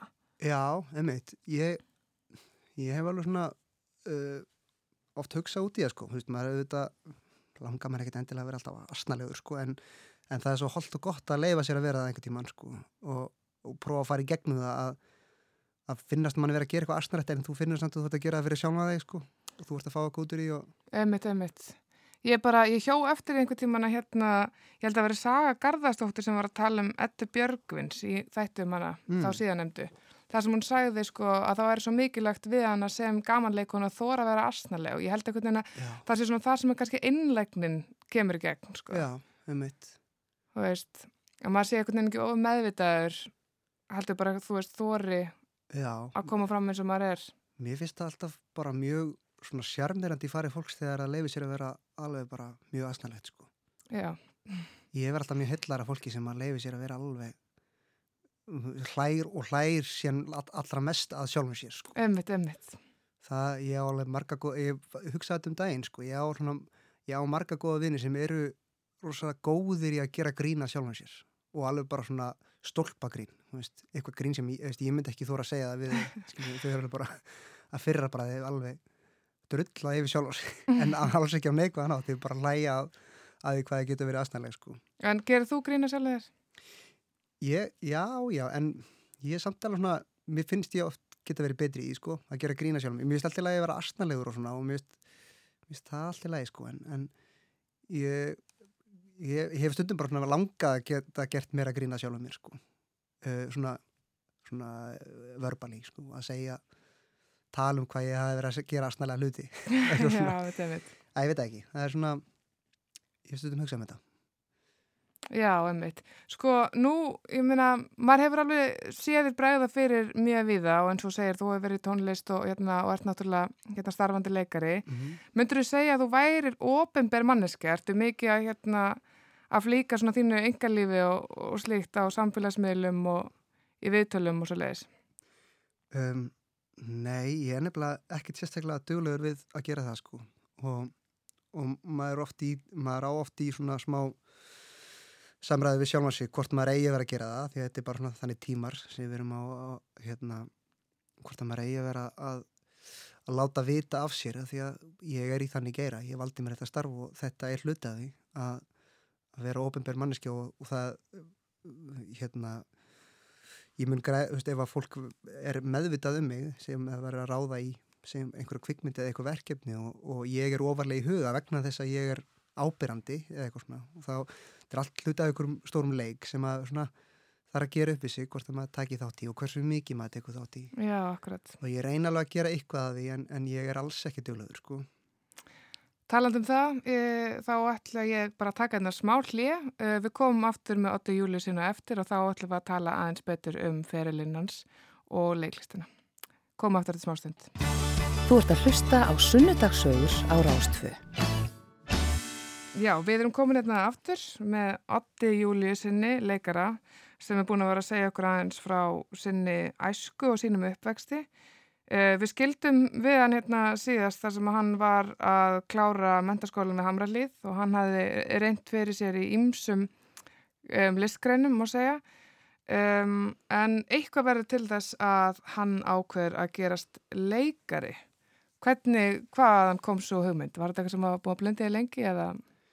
Um, nei, ég var ekki, sem ég sagði, ég var að gera alls konar. Ég var rosa mikið í tónlist ég held ég hefði alveg getað farið, ein, sett allan minn, mín orku og minn fókus þangað. Um, en síðan var ég hérna einmitt í leikfélaginu í MH og, og, og það, mynda, það kom bara eitthvað augnablík man ég þegar vorum að gera leiksýningu sem við byggum til frá grunni og ég var í stjórn leikfélagsins og vorum að uh, vorum að smíða leikmyndina sjálf og vorum að gera allt sjálf, Mhm. bara alveg frá grunni og, og hérna og vorum með tvo leikstjóra með okkur, Vignir Rappn og Stefán Hall og hérna og þeir voru svo hérna brjálaðar vinnuþjarkar og þeir voru kendu manni svona bara aðeins að hvað leikhúsi er mikil vinna þú veist, hvað, og síðan líka sko hvað við uppskárum í kjölfarið þú veist, svo stóri sigur að setja upp, standa upp með síningu sem að var algjörlega kom út frá okkar hugarheimi og allt, allt útlitt síningarinnar, tónlistin allt þetta hafi farið gegnum okkur og þeir orkestreruðu það mjög vel og, og hérna og það kom bara einhver svona, það small eitthvað þar sko og ég, ég man ég var alveg, alveg heldtekin af þessu að, að hérna hvað, þú veist, mér fannst ég hafa svona skýra mynd af leiklist á, þú veist, hún, það, var þetta að kanna hugmyndir og, og, og hérna, og ég áttaði mig líka á því hversu mikil vinna þetta var. Og, og ég er með svona minningu það sem ég fór í einhverja svona, tók að mér einhverja vinnu, var háþrýsti þó hús? um, pappa vina minns og ég var, það var ótrúlega erfitt og líjandi og maður var allur rennblöytur og það var svona var að drepast í hendinni með einhverja áþrýsti byssu. Og, og ég man að ég fóð mér svona möndur þegar mér leið hvað verst sko. Það sem að ég var bara leikúsir vinna, leikúsir vinna, leikúsir vinna, leikúsir vinna. Að því að ég, var, ég vissi bara að ég var þetta var svona, ég var að þjálfa mig að, að hérna bara ekki vera kvarti við þessu, þú veist, við, bara, við erum að hérna, maður er að vinna einhverju markmiðu og okkur og Ertu þetta að byrja í leiklistin sér sagt? þannig er ég bara í mentaskóla og Já, bara já, og er, en þú þetta er vissi hvað þú vildir gera. Já, algjörlega og ég var svona og það, en ég er samt ekki vissum að ég hafi kannski tekið einhver svona sérstaka á eða svona, ég saði ekkit beint við sjálfa mig nú ég ætla að vera leikari veist, en ég fann samt að allt í hennu, skerptist á fókusnum mínum Mm og ég held að þetta hafi verið mikið að að mér fannst ég ná að bara að því eins og ég segi, ég var að gera alls konar hluti. Ég var í tónlist og ég var í íþróttum eitthvað svona, skaman að reyfa mig og gera alls konar. Og þetta saminnaði svo margt, ég fann að þarna gat ég gert gripið í alla þessa hluti. Og fyrir út af það þá hafði ég bara þú veist, útrúlega gaman að því að, að, að segja sögur og vera að búa til einhverja einhver svona, svona síningar sko. og ég gerði þetta þegar ég var yngri með frendum mín og settu upp síningar í matabóðum og svona þannig að ég fattaði bara svona já já, þetta er að, þetta er að summera saman rosa mikið sem að ég, mér finnst frábært. Já, svona rauninni þegar þú kannski lítið tilbaka þá kemur, ætti það kannski ekki að koma óvart að þú sem að þér tókst eins og varst að segja frá að þú dróst hérna alla krakkarnir í matabóðunum með þér í, einhverja leiki og einhverja síningar og svo leiðis að þá kannski rauninni lág þetta betna við en þú átt að er á. Já, algjörlega, þetta bara, allt í hennu var þetta bara kýrskýrt fyrir mér sko. Já, og eins og ég segi, ég varð alveg svona gífurlega einbeittur þannig að e, þetta var svona í lok skólgöngum minnar í MH og við tekur að, að hérna, þegar ég klára MH þá eru ekki neinar, þá eru inntökuprófin ekki fyrir en eftir ár í listaðaskólan mm. þannig að ég hugsaði með mér ég þarf að gera eitthvað veist, ég, ætla, ég ætla að sækja um þá en hvernig ætla ég að nota þetta eina ár sem ég hefur núna?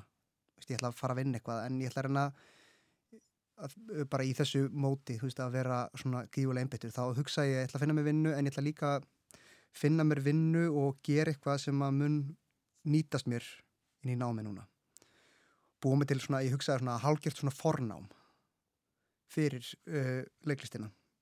Og ég ákvað að ég var í alls konar vinnu, var að vinna á bar, hérna Karamba sem var að hétt og hérna og var að vinna með, með hérna í, hinúsinu í alls konar störfum og með föllum og, og, og í hérna jafningifræslinu og alls konar gutuleikúsinu en ég fór í skráðum í listanskóla Íslands. Bara, þetta var reynir að vera mjög fyndi ég, langaði svona einmitt að, ég vissi ekki nákvæmlega hvað ég ætla hvað mér langaði með þessu en ég hugsaði samt að það myndi nýtast mér, veist, ég hef aldrei verið í dansi ég hef bara verið í fót, svona einhverjum svona boltaíþrótum mér langaði svona bara að verða betri því og, og hérna ég vissi að það myndi nýtast mér mikið í leiklistinni. Og hérna skráði mig á samt einhverjum vinnum mínum og mættum hann að beint úr einhverju útilegu og vorum alveg mjög sveittir og, og hérna skrýtnir og í, síðan varum bara spuru hvað þú mætti vera með og, og þá voru inntökuprófin voru búin en því við erum strákar og það vattaði bara stráka þá voru þeir bara, herðu við líki bara að prófa að taka eina svona pröfuviku og sjá hvernig ykkur líst á þetta? Og bara, já, já, ég var alveg handvissum að ég ætla að gera þetta. Og vini mínir, þeir svona dutti úr þessu svona, uh, svona einhver, annar þeirra strax eftir svona tvo mánuði hinn eftir halvt ár. Ég, ég, var, ég var alveg ég byrjaði að dyrka þetta sko. Ég fannst að gegja sko Já, þetta var nútíma dans er það ekki áttur sem að, Já. já.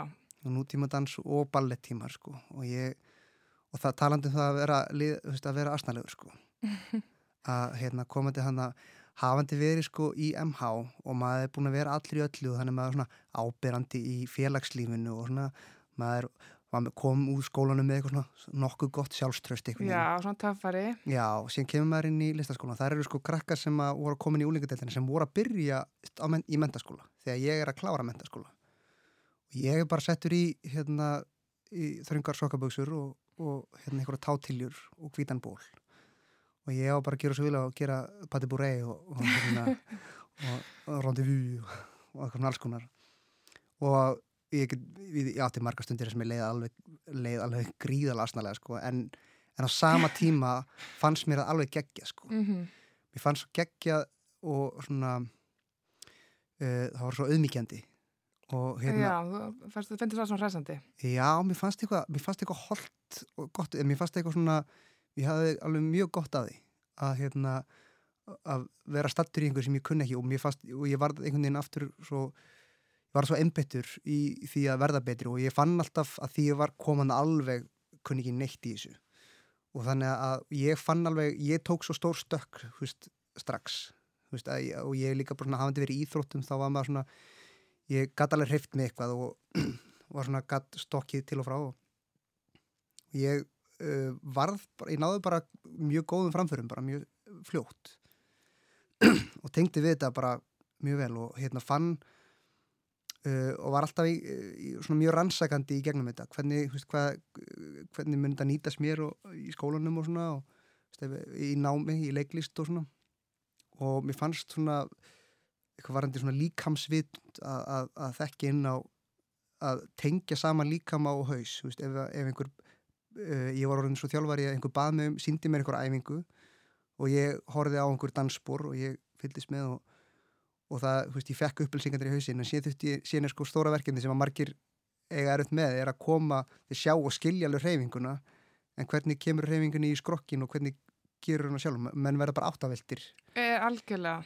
og þannig að ég náði alltaf að stitta og stitta bilið, mm Mhm. þannig, þannig að tíma sem að tekur mig að yfirfæra upplýsingar Mhm. sem ég sé yfir bara í fætunar eða hendunar eða hvað sem er þannig að hérna, þannig að svona, líkamsvitundin mín jógst alveg gífulega við þetta og hérna og mér finnst ég græða alveg svakalega á sig. Og mér finnst þetta bara ekki bara í leiklistinni bara heldur almennt í lífinu. Maður svona aðeins, hefur aðeins betri skilning á skorknum á sér og líkamannum En heldur áttur að ef að þú værir ekki leikar í dag að dansin hefði þá kannski hérna, orðað þínu svo framtíðar starfi? Ég veit ekki, ég, ég var, það var svona smá partur af mér sem var smá, uh, smá svona leiður yfir því að þegar ég komst inn í listaháskólan að, að ég átti tvö ár eftir í dansinum, ég kláraði bara eitt ár. Að fá ekki að klára það sko. Og ég fylgdist með strákum sem að voru með mér sem- hérna, sem voru á sama tíma og ég sem byrjuði líka bara frá grunni. Og, þe og þeir voru orðnir svo ótrúlega góðir. Já, og einhverju af þeim eru atvinnindansar í dag. Emmitt. og hérna það var alveg hérna, maður horfið á það eftir á okkur svona danssýningum og maður bara, oh, ég veit en ég hef getið, ég hef ekki getað verið. ekki fljúandi við sviðið En, hérna, en hvernig var með inntökuferli í leiklistaskólan? Hérna var, hvernig var svona það ferli? Nú veit maður að það er allan að tala um það að það eru mjög margir sem sækja um og fáu sem komast inn. Þetta ég get ímyndað mér að þetta sé svolítið svona stressandi. Já, emitt, jú, þetta var alveg þetta er hérna mjög sérstakt ferli. Þetta er ótrúlega skrítið að fara í leiklistar pröfuð fyrir leiklistaskóla. Þú ert að þú ert einhvern veginn að þetta er náttúrulega allt á svo á svo svakalega persónulega nótum. Þú ert að presentera sjálfa þig.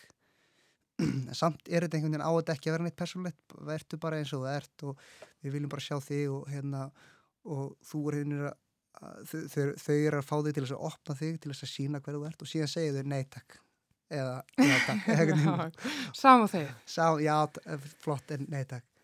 Hérna, þannig að það er, þetta er ótrúlega, ótrúlega undarlegar kringumstæðir sem að myndast þarna og, og, hérna, og ég, þegar ég kom í skólan þá fór ég líka alltaf voru að hjálpa til í pröfunum, ég fannst það alltaf jafn áhugaverðar kringumstæðir maður kom inn og þetta var svo vírað fólk, hérna, krakkar komnir inn inn í eitthvað rými hana og þau voru að reyna að vera, reyna að vera hress og vera svona sósjál, þú veist vera, að því maður þarf líka að vera einhvern veginn svona góður í samskiptum við veist, aðra sem er að leika með. Þannig að allir voru svona rosa mikið að spjalla af hver aðra.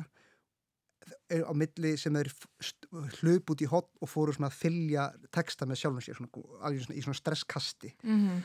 þetta var svo vírað og hérna mér fannst það svo, svo gífulega áhugavert sko.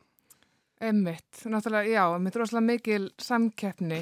Já, og uh, það sem er náttúrulega gert líka eins og ég hef allan að heyrta, þú veist, það er, það er gengið rosalega nærri þér, til þess að ná, ná þér út úr þessum skráp sem ég get ímyndað mér að sé erfitt alveg. já, en ég held þú veist, þetta er nefnilega svo misjamt og upplifun fólks í, þessum pröfum er alveg uh, rosalega ólík að því að stundum stundum, ég lendi ekkit endilega að það var einhverju sem að var að þjarma að mér eitthvað svona, ég vil sjá þetta þú veist, það var sumir lendi í þegar þeir kannski kom inn og, og þeir sem eru að uh, dómarannir í brúunum þeim, þeim vantar að sjá eitthvað frá þér. Við þurfum Mhm. að sjá hvernig uh, hann er búin að sína okkur rosa mikið hann er flottur þarna í þessum einleikum hérna, hann er með einleikni og mýkt en kannski en kraftur, okkur vantar kraftin frá honum. Þannig að þá er ítt á eftir því og stundum á fólk bara erfitt með að, að nálgast það eða þá öfut erfitt að ná einlegninni út úr fólki. Einmitt, og þá er kannski þjarmað aðeins til þess að svona aðeins er hérna og þá þarf stundum aðeins að, að, að svona reyfa við þeim mhm, og, og hérna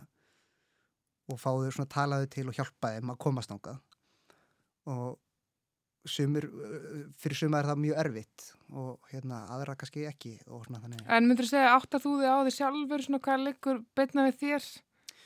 Já, ég ég er svona ég á svona það stutt í svona einlægni á sviði hjá mér og mikið grín. Einmitt, mér, finnst gaman og gott að grína og hérna það er svona mitt safe space. Einmitt, uh, ég hef þá einna, ég hef hel- helst þurft að berjast fyrir því að þurft að vinna meira í svona stærð og svona herri status eða svona einhverju þannig. Svona vera, og vera ógnandi er kannski ekki leikur ekki jafn mikið. Ég get verið ógnandi á svona á svona öðruvísi hátt. Ég get verið já, svona joker típan það er svona að vera hress en, en vera samt ég, þetta er algjörlega hlutverk sem ég sæði þig í sko, mjög spennt fyrir. En þú sérst að klárar, þú hérna kemst inn í skólan með rosalega flottum hóp, ég mann það var starkur árgangur já, já, sem þú varst í. Og hérna, en í kjölfarið á útskrift að þá færð þú beint í þjóðleikusið mm eða ekki, þú hefur verið þar síðan og tekið þátt í mörgum stykkjum, veistu hvað, þeir eru hann mörg. Ég var að klára mitt sjötta ári leikursinu og þetta eru sko þrjár til fimm síningar á ári sem ég er í. Já, einmitt, þannig að já, þetta er alveg komin alveg slatti, er eitthvað svona eftirlæti slutverk sem að já, situr í þess? mér fannst ótrúlega gaman að að það var hlutverk í hérna, um það bil sem var í kassanum sem að Einmitt. Una Þorlufs var að leikstýra. Og það var, ég var að leika mörg hlutverk þar en ég átti eitt svona hlutverk sem að það var til að myndi grímunar fyrir. Já, já, hérna, nei, engin hóvar hér. nei, nei, nei, nei. Uh, algjörðu þar uh, og þa það var bara einmitt, ég hafði svo opbáslega gaman eða það var svo hættulegt. Það var svona ég uh, var svona einhver svona kom inn svona eiginlega þannig sé í hlje og talaði við fólk og var að var samt með svona, það er eins og hafi verið svona smá auka atrið inn í hlénu. Sýningin var búin eða svona fyrir hlje en ég tók einhvern veginn við boltanum og söng lag og var ótrúlega sérmerandi en, en og var að hérna og sér tók ég móti fólki aftur þegar kom tilbaka svona eins og ég hafi verið smá svona, eh, svona service eh, hafi verið að svona taka, já, einhver svona móttöku stjóri Mm og, og einmitt var búin að vekja upp mikið hlátur og vera eh, rosa sjarmerandi og, og hérna, skemmtilegur en, en misnóta svo bara algjörlega manipulera fólk í snýið þeim, þeim sjarma upp í freka mikið freka mikið viðbjóð þegar ég Já, ég get tekið til þetta. Ég einmitt var í salnum á einn af þessum sýningum og maður var alveg svona virkilega eftir sig einmitt að því að þú vanstir inn þetta tröst já, með því að tala við okkur og í rauninni gerða áhörendur einhvern hátt svona meðsekan með þér, einmitt. og ég fann alveg og ég fann svo opbáslega stert fyrir þessu ég var alltaf sko, ég verð ekki stressa ég verð ekki sérstaklega stressaður í svona sýningum svona því að bara, maður er búin að æfa í átta vikur og ég reyna að vera tilbúin bara. En þarna bara, var ég alltaf að spila á áhörendur og ég var að tala við uh, fólki þannig að ég var alltaf í svona smá svona lifandi uh, kringumstæðum. Og uh, Og kannski rauninu óútreiknarlega, það sem er alltaf ólíkur hópur. Já, ég var kannski, ég var með ákveðna línu sem ég fylgdi eftir en hvernig ég bara hana fram var ólíkt og, og viðbröðin sem ég fekk voru alltaf ólík og ég, það, var alveg, það var alveg öskrað á mig á nokkur, nokkur stundum sko og hérna það var, jú, ég myndi segja að það hafi verið alveg svona eftirminnlegasta hlutverkið mitt uh, þessi, þessi sex ár. Já. Og einmitt á sama tíma að það hefur verið erfitt eins og þetta tala um að þú ert að gera þarna eitthvað sem er ólíkt öllu öðru sem þú hefur gert Mm -hmm. en á sama tíma að það er erfitt að þá er það samt svona einhvern veginn í uppáhaldi að því að þú kannski auðraðir þér á hvern hatt. Já, algjörlega. Ég, hérna, og þetta, það kannski svona, maður fekk svo mikið kikk út úr þessu. Já, einmitt. Þarna kemur jókerinn kannski svolítið inn. Já, og ég var einmitt líka uh, svona, mitt stuttu síðar þá fer ég inn í hérna uh, detti ég inn í improv improv Ísland og þá var verið að kyn, öll, koma með það til landsins og vinni mínu voru að fara á þetta og, og ég svona uh, stökk á þá lest og hef búin að vera það síðan Akkurat. það er svona þessi svipa þar maður ánýtast þessari tilfinningu sko, að hérna fá þetta kikk að fara út í hið, hið Óvissuna. óvissuna og hérna og leika sér að eldinum aðeins Já, vá, emmitt. Hérna, svona áður en að við kveðjum, um, getur þú sagt mér eitthvað hvernig verður hjá þér, hvernig haustið lítur út? Já, sko, ég uh, núna er ég er alltaf leik, leikus í sumafrí en ég er í tökum uh, núna í sumar á þáttaseríu sem heitir Ráðherra sem er ótrúlega spennandi og ég hef einmitt Þannig að það er ekkert sumafrí á þér? það, Já, ég fæ smá svona Já, já. Það er, það finnst mér óbáslega spennandi og, og, ótrúlega flott verkefni Akkurat. en, og ég hef nefnilega einmitt lítið verið í kvikmyndum með bíói eða þáttum eða svona þannig að- að ég er aðeins að svona uh, fara út fyrir það einda raman að Einmitt. það liti til sko um, en er í góðum höndum, góðu fólki uh, og það er reyndar uh, síningar á því er ekkit fyrir eftir svolítið tíma held ég samt. það er, Já, svona mitt í þessum bransa uh, byðin mikla Já. sem tekur við. þannig að það má alveg býða til því aðeins En það fá við loksins að sjá þig á skjánum. Já, uh, en jú, ég er að fara síðan í haust í, hérna, uh, það er einu uppsetning á stóra sviðinu sem er Atomstöðin. Einmitt. Og, og sem að hún, Una Þorleifsdóttir sem var með mér í Akkurat, um svona- rifju upp hérna gömul kynni. Já, uh, verja henni og, og hérna Dóri DNA að gera leikjar, það er opaslega spennandi verkefni fyrst mér. Akkurat.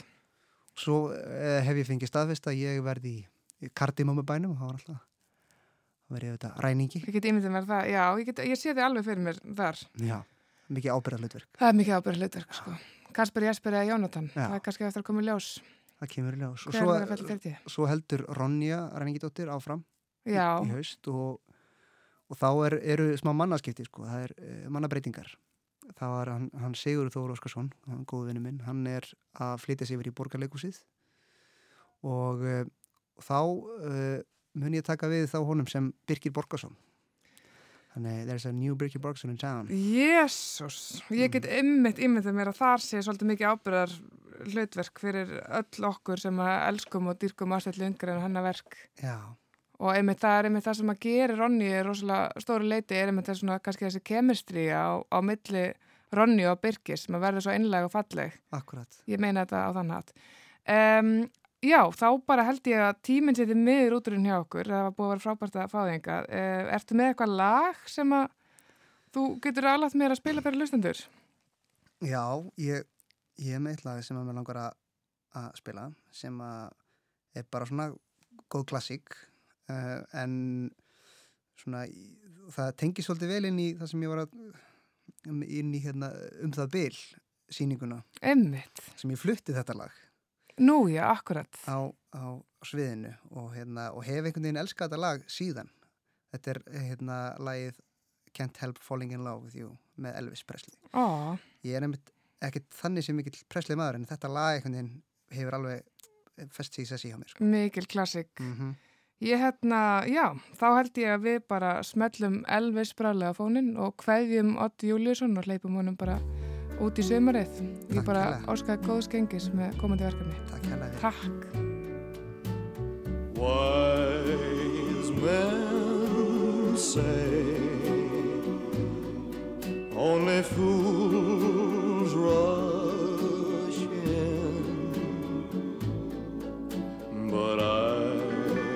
I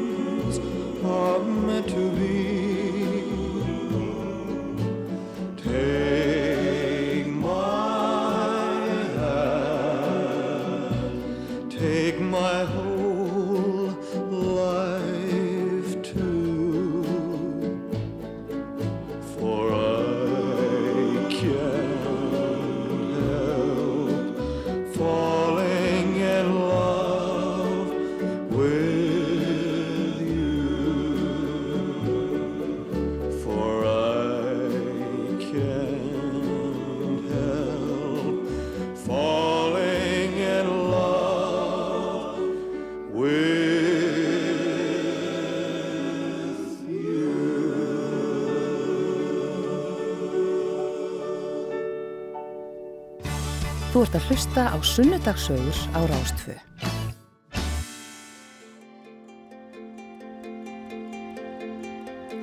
Þá líður bráðlega að leiðalokum hjá okkur í sunnudagsögum. Ég heiti Júlia Marget og ég er búin að vera með ykkur í dag og ég fekk hérna til minn tvo frábæra viðmælendur, þau Katrínu Björgunstóttur leikstöra og Ott Júliusson leikara. En ég er ekki farin langt í byli, ég ætla að byrja því að spila fyrir ykkur lægið Appelsinugul viðvörun með bakkalúti.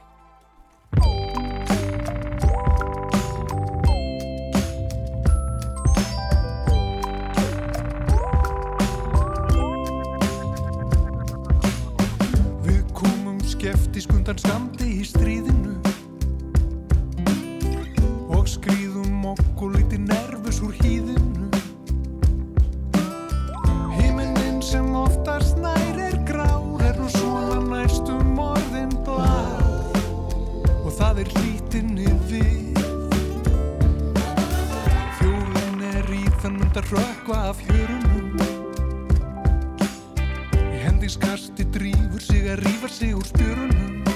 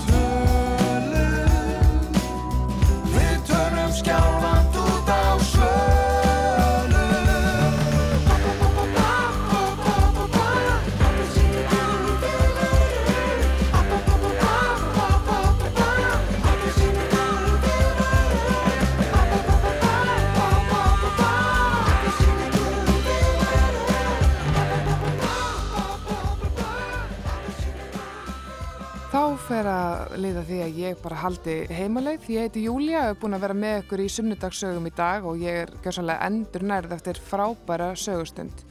Ég ætla að fara heima að knúsa köttin minn sem að pissaði á buksundar mínar í morgun og ég mæli eindrið með því að þið fáðu mig líka þá sem ykkur þykir vannst um. En áður en ég fer ætla ég að spila fyrir ykkur lagið Leiðin okkar allra með reggi krútunum í hjálmum. Takk fyrir mig.